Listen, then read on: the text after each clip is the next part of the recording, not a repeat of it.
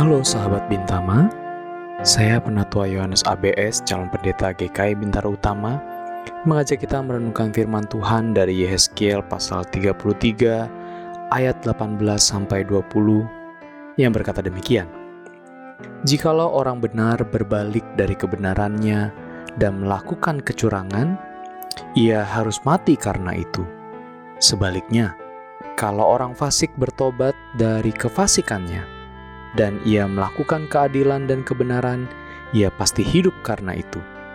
Tetapi kamu berkata, tindakan Tuhan tidak tepat. Aku akan menghakimi kamu masing-masing menurut kelakuannya, hai kaum Israel. Renungan hari ini bertema meragukan keadilan Tuhan. Sahabat Bintama yang dikasih Tuhan, mana yang benar? Orang benar pasti adil, atau orang adil pasti benar? Tentu pertanyaan ini berat bukan?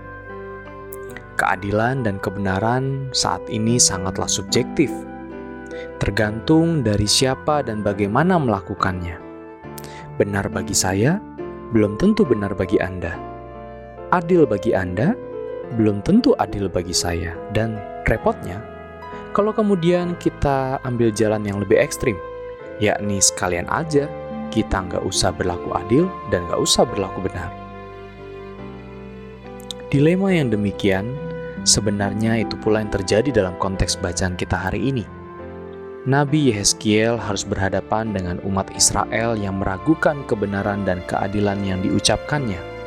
Padahal, apa yang diucapkan Yehezkiel itu adalah yang difirmankan Tuhan Allah kepadanya. Bangsa Israel meragukan cara mainnya Tuhan Allah dalam memandang manusia bersalah dan manusia berdosa. Bagi Tuhan, manusia berdosa yang telah bertobat memperoleh hidup kembali. Sebaliknya, manusia yang benar akan mati jika ia melakukan kejahatan dan mengabaikan kebaikan dari Tuhan. Namun, bagi umat Israel, hal itu tidaklah bisa diterima. Mereka nggak setuju dengan ketetapan Tuhan itu. Kenapa?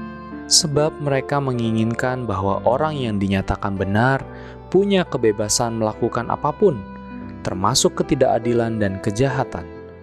Dan karena ia benar, maka ia tidak patut dihukum. Sebaliknya, jika ada orang jahat dan berdosa, ia tidak layak mendapat pengampunan meski sudah bertobat. Jadi, pantas untuk dihukum bersama-sama. Dengan kata lain, kebenaran dan kejahatan adalah semacam status, bukan merupakan tindakan kebenaran. Sahabat Bintama, orang Kristen sering kali mendaku sebagai anak-anak kebenaran. Tentu itu nggak salah. Akan tetapi jadi masalah kalau kebenaran hanyalah sebagai status, bukan tindakan. Ingat, kelakuan kita menjadi hal yang Tuhan pertimbangkan untuk penghakiman Meski kita sudah dibenarkan, jangan pula kita pongah untuk berlaku seenaknya saja. Dan kalau kita masih berdosa, jangan takut untuk bertobat. Pasti Tuhan memaafkannya. Dan jangan meragukan keadilan Tuhan kita. Amin.